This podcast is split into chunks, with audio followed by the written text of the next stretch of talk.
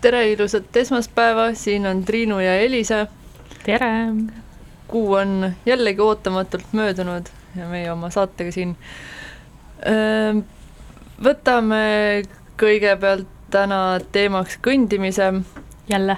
jälle ka üle-eelmine saade me rääkisime juba ühest teisest kõndimise raamatust ja siis me mainisime ka kõndimise filosoofiat, mis tol hetkel ei olnud saadaval aga nüüd on see miskipärast jälle olemas. no natuke müstiline lugu, et me ei ole kirjastuselt küsinud, et seal ei ole kirjas, et see oleks teine trükk, aga järsku on seda jälle igal pool saada ja meie oleme ka täiesti nagu vabalt äh, mitu korda juba, juba seda juurde küsinud ja olemas ta on, mis on nagu rõõmustav. minul endal ei olnud seda, Triinu ostis viimati või eelmine kord meil puändist viimase eksemplari ära, mäletad seda? Mäletan jaa. ja ma, ma siiamaani ei olnud lugenud seda. jah, paar aastat ei olnud seda raamatut saadaval, aga nüüd jälle on. tean, et see on väga paljude inimeste lemmikraamatutest või ne, see on neid mõjutanud üpriski palju ja äh, ma kohe siit äh, raamatu tagant loeksin ette, mida Hasso Krull on selle kohta öelnud mm. -hmm kõndimise filosoofiat ei saa rahulikult lõpuni lugeda, tekib tahtmine kõndida, väike tiir toas, siis õues, seejärel juba tänavale ja edasi, kuhu jalad viivad. ja tõenäoliselt see tekib kõigil. minul tekkis kohe kindlasti. kes seda lugema hakkavad, jah. ja selle autor on siis prantsuse filosoof Frederic Gross, ma pole kindel, et ma seda nüüd sada protsenti korrektselt hääldan. vist jah, on Gross ma ei ole ka kindel sada protsenti. on nagu on. Iga kord me juba oleme siin ja siis mõtleme, et oot-oot-oot, ma oleks pidanud selle järgi vaatama. Aga raamat lahkab natukene siis mm, tuntud autorite eluviise, et kuidas äh, nad kõndimist on oma ellu integreerinud, et et äh, kuidas see aitab neil loomingut paremini luua ja siis, äh, et kuidas pea värskemaks muutub ja uusi ideid kogutakse. ja lisaks siis on äh, jah, nagu pealkirigi ütleb, siis filosoofilised arutelud siin. jah, kuna see autor ise on ta, vähemalt seal on kirjeldatud teda kui filosoofi, siis tal on ta on äh, tekitanud siis selle kõndimise ümber erinevate teemade kaudu oma filosoofia, mida ta on siis avanud läbi teiste mõtlejate, aga samas ta on siin need teised mõtlejad siis enda mõtetega kokku pannud. Ja siis tal on äh, elulood põhimõtteliselt erinevatest mõtlejatest ja loojatest, nagu Triinu ütles, kes, kelle igapäevased harjumused siis olid mis, mis iganes, kuidas see protsess neil oli, et nad ärkasid, kõndisid, lõid või siis vastupidi, et lõid ja siis kõndisid. ja mulle väga meeldis näiteks äh, see Nietzsche eluloo osa, kus, äh, kus oli kirjeldatud, kuidas ta ainult kõndides lõigi. see oli juba selline päris või ekstreemne näide ja ma loeksin siit kohe algusest teile ette sellest, kuidas kõndimine pole sport. sport on tehnikate, reeglite, punktide ja võistlemise küsimus. kõige selle jaoks on vaja õppida, osata õigeid asendeid, vallata õigeid liigutusi. alles siis, tükk aega hiljem, tulevad improvisatsioon ja talent. Sport on skoor. mitmendal kohal sa oled, mis on sinu aeg, milline oli tulemus alati sama jaotus võitjateks ja võidetuteks, täpselt nagu sõjas. sõja ja spordi vahel on seos, mis teeb sõjale au ja spordile häbi. vastase austusest vaenlase vihkamiseni. sport on muidugi ka vastupidavus, pingutuse maik ja distsipliin, teisisõnu eetika ja töö. aga veel on sport materiaalsus, reportaažid, vaatemängud, turg, etendus spordiga kaasnevad tohutud meediatseremooniad, kuhu kiirustavad kaubamärkide ja piltide tarbijad. raha vallutab spordi, et tühjendada hingi ja meditsiini, et ehitada kunstkehi. kõndimine pole sport. ühe jala teise ette asetamine on lapsemäng. kui kõndijad kohtuvad, pole tulemusi ega numbreid. kõndija ütleb teisele, millist teed pidi ta tuli, millisel rajal on kõige kaunim maastik ja milline vaade avaneb ühelt või teiselt kaljunukilt ometi on üritatud luua uut lisavarustuse turgu, revolutsioonilisi jalanõusid, uskumatuid sokke, tõhusaid kotte ja sooritust parandavaid pükse. inimestesse püütakse igal võimalikul moel spordivaimu süstida. enam ei kõnnita, ei kõnnita, vaid läbitakse träkke. Müüakse kõnnikeppe, mistõttu kõndija sarnaneb pigem kentsaka suusatajaga. kuid kõik see ei lähe kaugele. see ei saa kuigi kaugele minna aeglaselt liikumiseks pole leitud midagi paremat kui kõndimine. selleks on alustuseks vaja kahte jalga, ülejäänu on tarbetu. tahate kiiremini liikuda? ärge siis kõndige, tehke midagi muud. sõitke autoga, liuelge, lennake, aga ärge kõndige. kõndimisel loeb vaid üks etendus, taeva intensiivsus ja maastike kirkus. kõndimine pole sport, kord juba püsti, ei seisa inimene enam paigal jaa, mul hakkas, kui ma kuulasin, kuidas sa loed seda, siis mul, kuna ma alles hiljuti lugesin seda raamatut, siis mul hakkas äh, kõiksugu nagu mõtteid tagasi tulema, mis mul lugemise hetkel olid. ja selle spordiga seotud ja selle kiirusega. tal on üks peatükk seal aeglusest. Et äh, mul praegu kuidagi hästi teravalt lõi see uuesti peale, sest mina ise olen selline kiirustaja, et kui ma kuhugi kõnnin, siis ma kiirustan. Isegi kui mul ei ole kiire.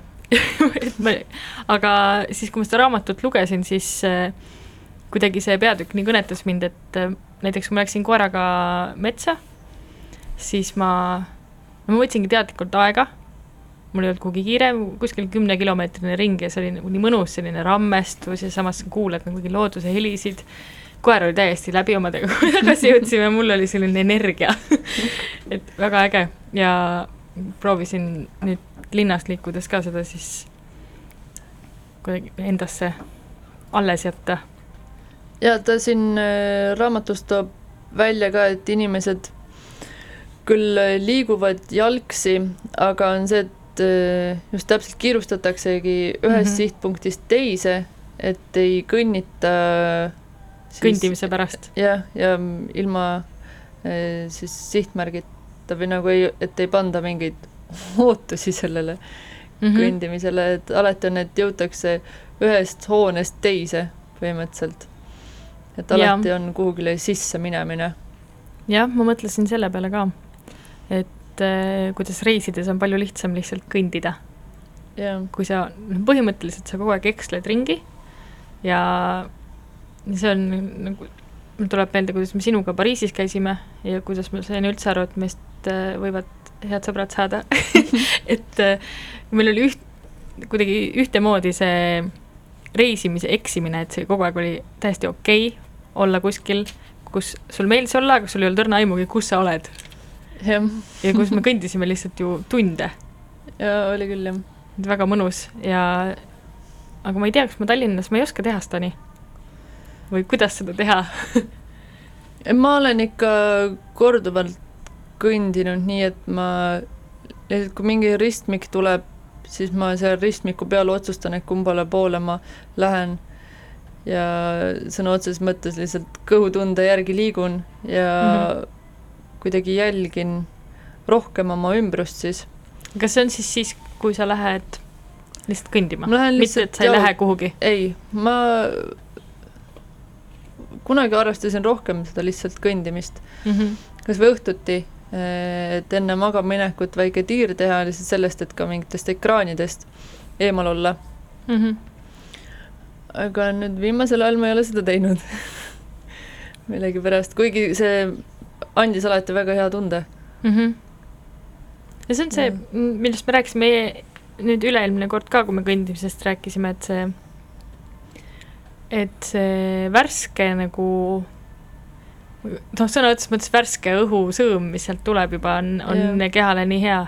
ja ma hiljuti just lugesin, mis noh, see on, see ei ole originaalne mõte, aga on aeg-ajalt vaja, et keegi sul meelde tuletaks, on üks rattaajakirjanik, John Watson ongi selline nimi et ta kirjutas just sellest, kuidas iga kord, kui tal nagu asjad üle käivad või juhe kokku jookseb, siis ta läheb loodusesse ja jooksma või kõndima ja kuidas ta, kuidas ta pärast seda tunneb ennast nii palju paremini, mis siis saaks, kui iga inimene ühe tund aega ühes päevas kõnniks. milline koht meil maailm oleks siis? ja, ja seda on ka teaduslikult tõestatud ja mitmetel mitmetes raamatutes kirjutatud, just täna ei. mingi päev ma kuulasin ühte podcast'i, mis tuletas ka jälle meelde, et see aitab mõtteid nagu lihtsalt sirgeks ja joonde ajada mm. -hmm. kui tekibki mingi plokk peas, ei oska arutleda enam enda sees või ümbritsevatest asjadest, siis tasub võtta see hetk ja minna jalutama ja siis see liikumine paneb teistmoodi asjad tööle. jah, ega see äh, autor äh, arutab seda ka, et, et sa ei tohiks sellele kõndimisele panna ikkagi mingisugust äh, eesmärki. et sa ei, et yeah., et sa ei lähe selle mõttega, et ma nüüd mõtlen end selgeks, vaid see tihti on vist läbi mm -hmm. selle, et sa ei mõtlegi mm. -hmm. et see, see lihtsalt see liikumine ja kuidagi läbi selle kas äh, probleemid, ma ei tea, muutuvad väiksemaks või ei tundugi nii, nii suurtena, kui nad alguses olid ja ise oled, kuidas see, värskem. ma nüüd loeksin su mõtte otsa siia ühe ja, jupi, kuhu mul oli paber vahele pandud. Kõndimise kunst on lõõgastumistehnika. aga see lõõgastumine võib vabalt olla ka taasloomine. eriti kehtib see linnas. tavaliselt käime tänaval täiesti praktilistel põhjustel, et minna leiva järele, metroosse, poodi või sõbrale külla. tänavad on siis vaid koridorid, kõnnime pilk maas teeme vaid hetkelisi ja kasulikke peatusi, me ei vaata midagi. märkame vaid seda, mis hädavajalik. Apteegisildi risti, mis annab märku sellest, et pöör-, pean pöörama paremale. suurt pruuni sissekäiku, mis meenutab mulle, et pagariäri on seal tänavanurgal. tänav muutub siis väikeste blinkivate märkide koeks, kuid selle vaatemäng on minu jaoks välja lülitatud meil tuleks endale lubada seda imelist ja lihtsat luksust jalutada omaenda kodukvartalis, kõndida seal ebakindlal kõhkleval sammul, otsustada see lihtsalt niisama, ilma ise, ilma ühegi põhjuseta aeglaselt ja pea püsti läbida. siis hakkavad imed juhtuma. niisugune. võin ma sult korra seda raamatut võtta? ikka võib. ma tahtsin ka ühe koha ette lugeda. see ei olnud väga pikk, mis ma sulle enne näitasin. et sa võid ka rääkida, ma otsin nüüd läks äh, pea tühjaks jah, kõndimine nagu lõõgastumine on, see on hea võrdlus. kuidagi, see on nagu õige minu jaoks vähemalt. jah, nii. oled sa leidmas? jaa, ma leidsin. see on siis selle peatükist äh, heaoluseisundid. No lõõgastunud seisund on ka heaoluseisund kindlasti on nii. kõndimine kui selline teeb võimalikuks veel ühe rõõmu, mida kogeme kui täiust, rõõmu olemasolust. pärast tervet päeva kõndimist võib jalgu sirutada ja lihtsalt puhata, rahul olla, kiirustamata janu kustutada ja jälgida lõppevast, lõppevat päeva ning vaikselt saabuvat õhtut nälja ja januta ning kannatusteta puhkav keha ning lihtne elusoleku tunne. sellest piisab, et kogeda kõige suuremat, puhtintensiivset ja ülimalt kasinat rõõmu, elurõõmu, rõõmu enda ja hormo-, harmoonilise maailma kohalolust. ometi oleme liiga sageli ja juba liiga kaua võltside kujutluspiltide võrgus, mis panevad meid uskuma, et täius seisneb asjade omamises ja ühiskonna heakskiidus ja me lähme alati liiga kaugele otsimaks rõõmu, mis on ometigi nii lähedal ja niivõrd lihtne, et selle saavutamine muutub keeruliseks. oleme sellest juba möödas, oleme selle alati juba ületanud. tänu kõndimu-, kõndimiskogemusele on küllap võimalik see tagasi võita, sest allutades oma keha pikale tegevusele, mis, nagu juba nägime, tekitab rõõmu, aga ka väsimust ja tüdimust, võime koos puhkusega nautida ka täiuse tunnet, seda sekundaarset, sügavamat ja põh- ja panevamat rõõmu, mis on seotud ühe salajasema jaotusega. keha hingab vaikselt, ma elan ja olen kohal ma arvan, et see on ilus lõik, mille peale nüüd lasta muusikat. jaa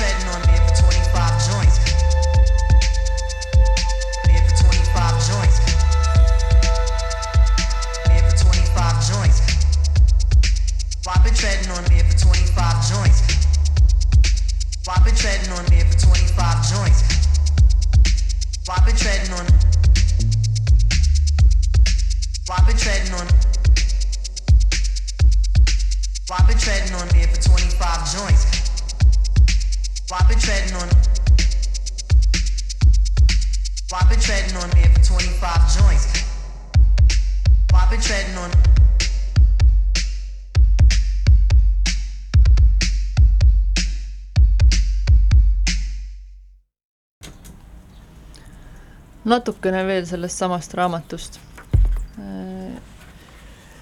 on äh, üks peatükk palverändudest ja ma siit loeksingi ette.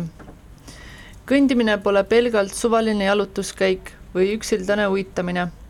ajaloo jooksul on see võtnud ka süstematiseeritud vorme, mille kulg, tingimused ja ka lõpp olid kindlaks määratud.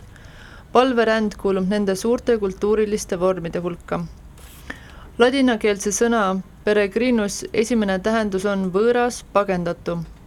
palverändur pole algselt see, kes kuhugi läheb vaid ennekõike see, kelle kodu pole seal, kus ta kõnnib. ta pole tavaline jalutaja, kes värsket õhku hingab ja ümbruskonnas mõned seedimist soodustavad tiirud teeb. või maaomanik, kes pühapäeviti oma valdusi üle vaatab. palveränduri kodu pole kunagi seal, kus ta kõnnib, ta on võõras. Nõnda, ütlevad kirikuisad, oleme me siin maal otse kui läbisõidul ja oma kodusse peaks alati suhtuma kui ühe öö varjupaika oma asjadesse kui koormasse, millest võib vabaneda ja sõpradesse kui inimestesse, keda oleme kohanud teel. mõned sõma, sõnad ilma kohta, käepigistus ja seejärel hüvastijat, head teed. kõik inimesed siin ilmas on palverändurid, ütlevad kirikuisad. Kogu nende elu on eksiil, sest oma tõelisse koju ei jõua nad siin ilmas kunagi. ja kogu maa on juhuslik varjupaik mõtlesin selle palverännu peatüki kohta päris pikalt, kui ma seda lugesin ka, et mulle meeldib see mõte, aga ma ei tahaks teha rändu kuhugi religioossesse kohta. kas ma siis, kas see kõndimine ise võibki minu palvus olla. Ma arvan, et ikka või, või noh ma mõtlen, võib-olla siis lihtsalt ei pea seda nii nimetama, aga mulle see nagu see, see termin meeldib. Jah, see palverännu eesmärk on justkui mingisugune teisenemine või taipamine mm -hmm. selle jooksul, mõnes mõttes ka kannatus, sest need tavaliselt ei ole ju kerged äh, rajad ja mm -hmm. teekonnad, mida läbitakse. võib-olla siis sa pead lihtsalt äh, endale siin äh, mingi kauge koha valima ja hakkama minema mm. -hmm. mulle see mõte väga yeah. sümpatiseerib, just mm -hmm. see, et sul on, sa oled võtnud selle aja, et äh, noh, see kohale jõudmine tegelikult ei olegi ju see, see, see, see on lihtsalt see, et, et sa teeksid seda läbi seda, seda minemist või seda kõndi. ja, ja teada, et üks hetk peab hakkama tagasi ka liikuma. jah, aga lihtsalt see teekond ise kui selline, sellepärast ma olen äh, korduvalt mõelnud selle läbi Eesti, selle raja peale, mis on Aita mind nüüd selle nimega. see RMK rada, mis jah, läheb läbi Eesti. ma praegu ei suuda seda öelda ka, tean, et see on. jah, et mulle nagu tundub kuidagi ma ei tea, ilus. See mõte sellest, et ma olen kuskil kuu aega või rohkem kuskil rajal. Ja siin ka räägib sellest, et kõndida tuleks üksi mm, -hmm. sest et äh, siis sa suudad endale valida selle kõige õigema tempo, kui sa oled kellegagi koos, siis alati sa pead kiirendama, aeglustama, kiirendama, aeglustama. Ja just see, et, et kellegi teisega ei vahetaks mõtteid, sa saaksid ainult äh, enda sisse keskenduda mm. -hmm. Enda ümbrusesse ka. et ei oleks neid noh, ma ei tea, kas teise inimese kohta saab öelda segav faktor, aga ma ütlen seda no selles kontekstis nii, see on ja. nii. sest äh, jah, no on nii lihtsalt aga siis äh, kas, kas sa loed veel? Ma arvan, et aitab, muidu teistele ehk ei jää piisavalt palju avastamisrõõmu ka, kes soovib siin äh, on seda lugeda, kuigi noh, on äh, kakssada kakskümmend lehekülge on veel. ei, see on väga mõnus äh, äh, raamat, mida, teda ei pea üldse lugema nagu algusest lõpuni, võid täiesti vabalt võtta siit ja võtta sealt ja tiht-, eks ta, ta ei, ta ei soodusta ka seda püsivust ma arvan, et see on mõeldud ka nii, et sa äh, võid äh, vabalt minna vahepeal kõndima ja. ja siis uuesti raamatu juurde tagasi tulla, mingi teine hetk. mul tuleb meelde see Why we sleep raamat kus see, kas see oli kohe alguses, kus ta andis need mingid nõuanded? ütles, et kui te siit kaugemale ei, ei jõua, siis see on okei okay., siin need nõuanded on. Ja siis oli eh, üks koht ka, see oli minu arust sissejuhatuses või esimeses peatükis, et kui sa seda raamatut eh, lugedes tunned, et sa jääd uniseks, siis mine magama et see on nagu suurim teene, mis sa endale teha saad. ja kõndimine, ma arvan, on samasugune teene. ja ma mõtlesin äh, täna selle peale ka, et äh, peaks ükskord teemaks võtma selle Why we sleep raamatu, ehk Jaa. siis miks me magame. et kui oluline see meile on, et see aitab meid äh, tervena ja hoida ja kaine mõistusega, jaa hoiab ära väga palju hädasid tulevikus vanana. mm. -hmm.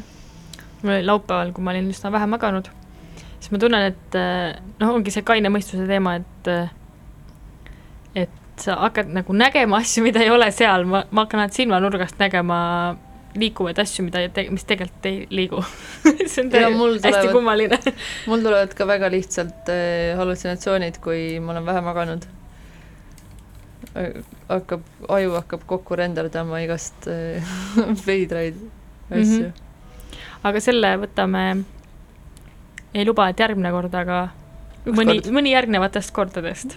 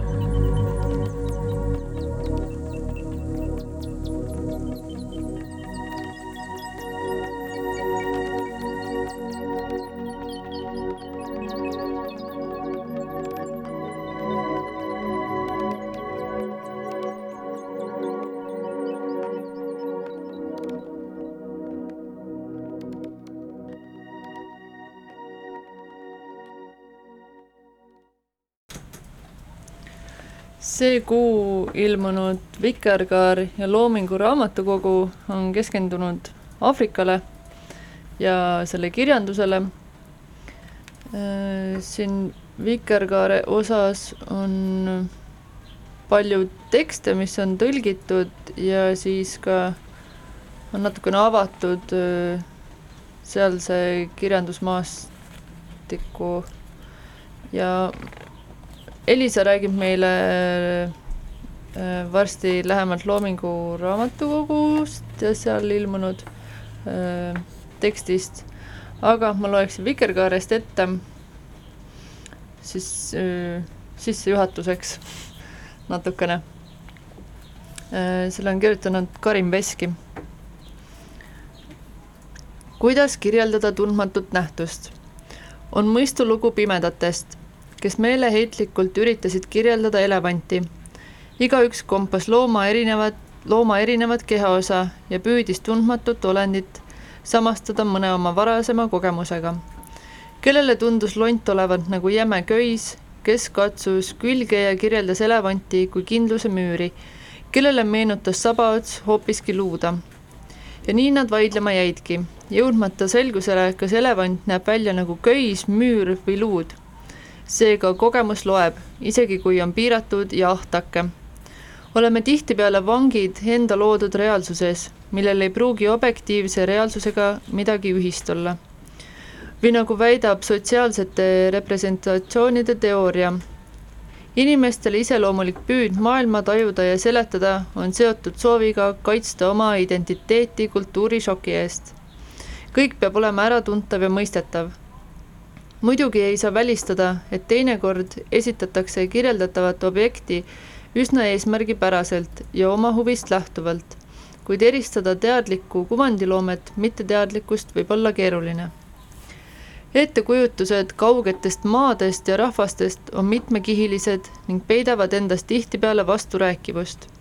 ühelt poolt võivad need kuvandid olla laetud positiivsest uudishimust ja ootusest mille üheks komponendiks võib olla ka etnotsentrismi sõbralik nägu, eksotism.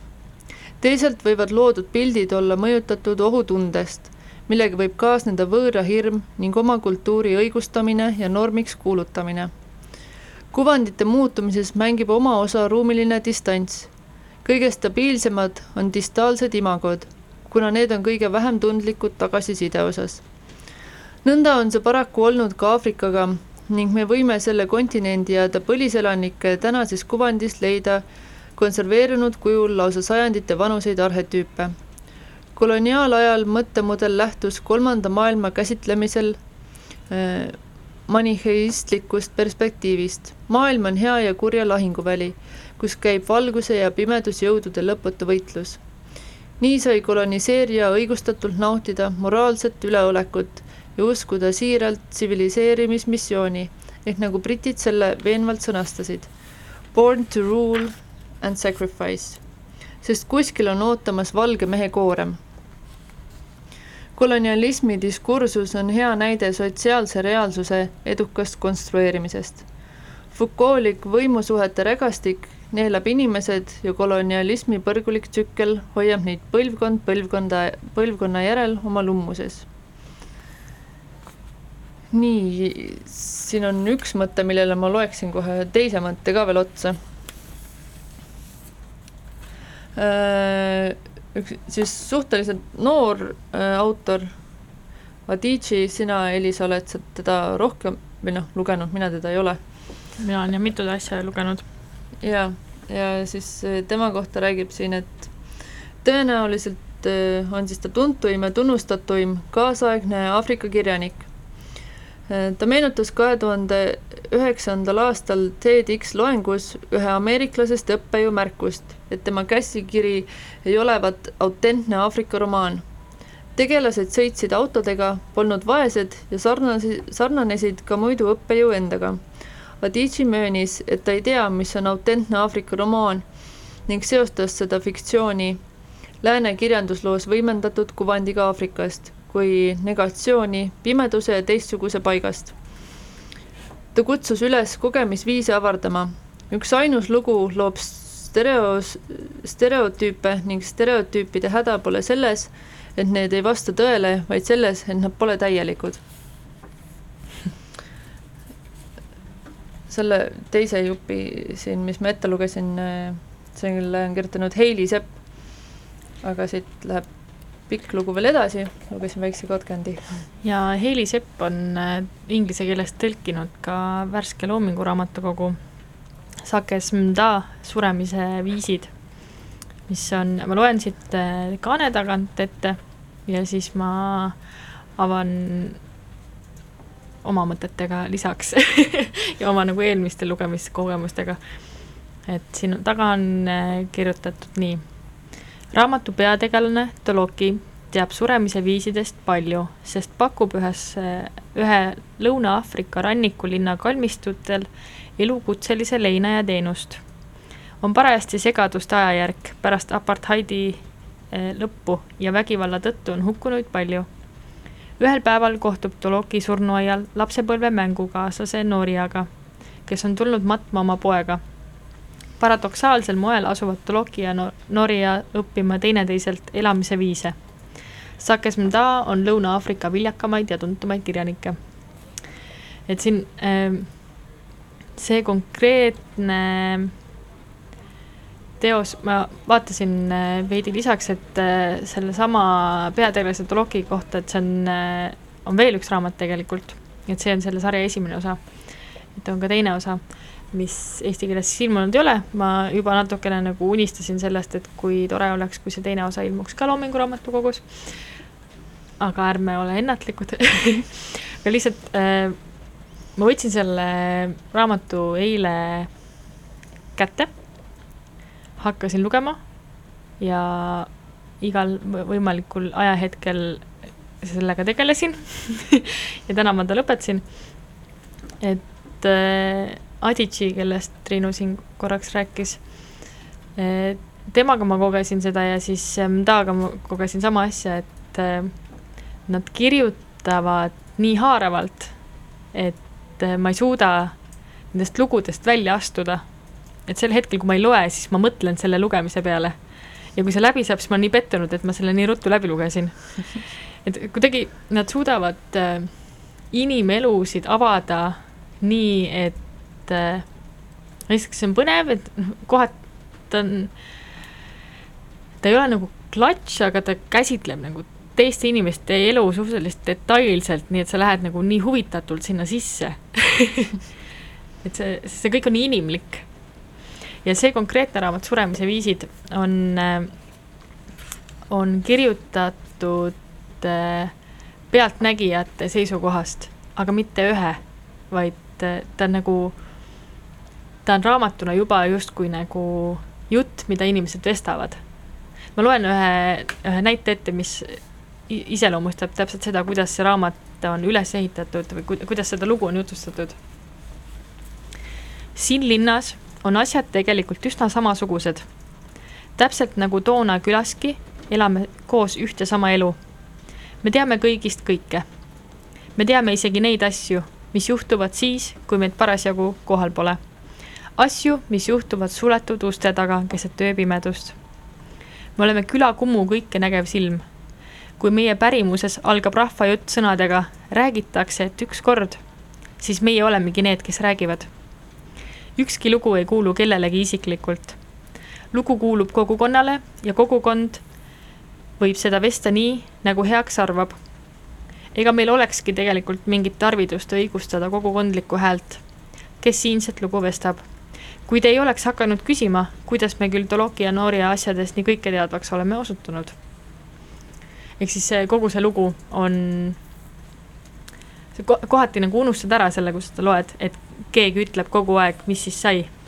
et need, mm. aga see tundub nii, et kui sa lähed sinna loosse sisse, et siis nemad ise räägivad enda lugu. aga tegelikult on see, et siis tegid nad seda, siis läks ta sinna, siis nad rääkisid omavahel.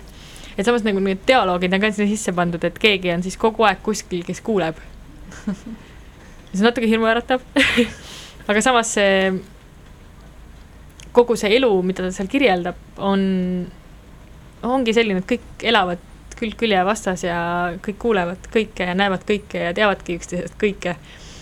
et siis see lugu annab äh, seda tunnet nii hästi edasi. ja see, mis ma sulle enne ka ütlesin, et äh, hästi üllatav kogu selle asja juures on see, et kogu see sada kuuskümmend natuke peale lehekülge on verised, nad on tugevalt vägivallast nagu läbi imbunud, kogu aeg keegi sureb, etoloogiaamet on ka kutselise leinaja amet, mille ta on ise endale siis loonud, äh, sest tal oli tööd vaja, et äh, kogu aeg on matused, äh, kellegi lähedane sureb või, või sinu naaber sureb või sinu naabri lapsed ja see on täiesti igapäevane nähtus, sest et seal nagu ta ütleb, et see on vahetult pärast siis apartheidi lõppu, siis kogu see asi on ikkagi üles ehitatud nii nauditavalt, et nagu, et, et ta on ilus see, see loo vestmise viis on lihtsalt nii ilus, et kogu see vägivald on ka kuidagi ilusaks tehtud. Samas, kui sa nagu lõpetad lugemise, siis ta lööb nagu topelt tugevalt kuidagi jalad alt ära. Aditšiga ma eh, kogesin täpselt sama asja. sest et tal on samamoodi need et kuigi noh, talle heideti ette seda, et eks ole, inimesed sõidavad autodega ja on rikkad ja siis ta on, Adici põimib alati oma lugudesse sisse äh, rikkad intelligendid äh,, kellega tihti ei juhtu midagi, nii et nad on äh, rahahädas, neil ei ole süüa äh,, juhtuvad mingisugused äh, valusad sündmused, siis samamoodi sa elad neile väga tugevalt kaasa, aga ja see kõik on nii ilusasti edasi antud.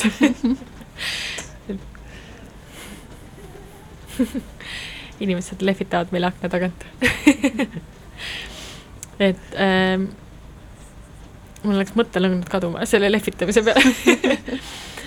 Et äh, vaatasime siin Triinuga enne saatest tulekut äh, kiire, kiiresti apartheidi kohta ka äh, detaile, et mis see siis oli et see oli peaaegu viiskümmend aastat äh, vägivalda, mis siis Lõuna-Aafrika Vabariigis legaalselt toimus. inimesed olid jagatud nelja erinevasse rassigruppi, kellest siis valged, kes tegelikult olid kõige väiksem inimrühm, olid valitsevad ja siis diskrimineeriti erineval tasemel kõiki teisi. et see, see tuleb ka väga tugevalt siit raamatust esile, kuidas valged on bossid endiselt, kuigi see on täp-, see tegevus toimub siis umbes ütleme üheksakümmend viis, üheksakümmend kuus, sest üheksakümmend neli äh, valiti siis äh, esimene president äh, demokraatlikul viisil. aga et see oma kohus oli nii tugevalt veel äh, kehtiv. ja võib-olla see raamat siis sobiks Adici õppejõule ka lugemiseks. kohati seda, seda slummielu ja jah. aga see, alati oli see unelm kuhugi kaugemale minemisest või paremini hakkama saamisest ja samas see, kuidas kogukonnana äh, saadi hakkama sellega, mis oli, see on nagu ilus. see kogukond selle kõige äh, sügavamas tähenduses mul õnneks on äh, selline tunne, või noh, ma loodan, et nii on, et äh, nüüd tänasel päeval on rohkem hakatud pilku pöörama just siis nii-öelda nende kolmandate maa riikide nii-öelda kultuurile ja ja kirjandusele sealhulgas, et neid tõlgitakse inglise keelde ja ja teistesse keelde, et oleks rohkem kättesaadav, sest et mm -hmm. mm, ma ei tea, see on pigem ikka viimase aja trend, et otsitakse kõike nii-öelda eksootilist, mida tõlkida vist, või kuidas sulle tundub? mm.? ma ei tea, kas ma tahan, see eksootika mõiste nagu natukene häirib mind. no selles, see on, mõnes mõttes on see nagu müügitrikk eh, ka, et me võtame ja. mingi erilise autori, kes on teistsugune, mm -hmm. teist, teistsuguse taustaga ja siis eh, kasutame seda eh, nii-öelda ära, et saaks rohkem müüa, aga noh see on kahe otsaga jälle. jah, samas see nagu avardab ja, seda ja, kättesaadavust. et selles ma olen nõus, et see on väga tänuväärt töö. Ja sellepärast ma täiesti Loomingu Raamatukogu fänn, et äh, nad suudavad äh, niivõrd äh, head tööd teha täiesti erinevate maailma otstade autorite tõlkimisel ja et see hind on nii hea ja see kvaliteet on alati super ma väga, väga õnnelik, et nad olemas on kas me, meil on veel üks lugu ja vist on aeg lõpulugu juba panna ja tõesti. jah, ootamatult taas kord. aga soovitame siis kõndida, lugeda Aafrika kirjandust ja hetkel Loomingu Raamatukogu viis viiskümmend äh, suurepärase romaani eest. see on kohviraha järgmise korrani. Tšau.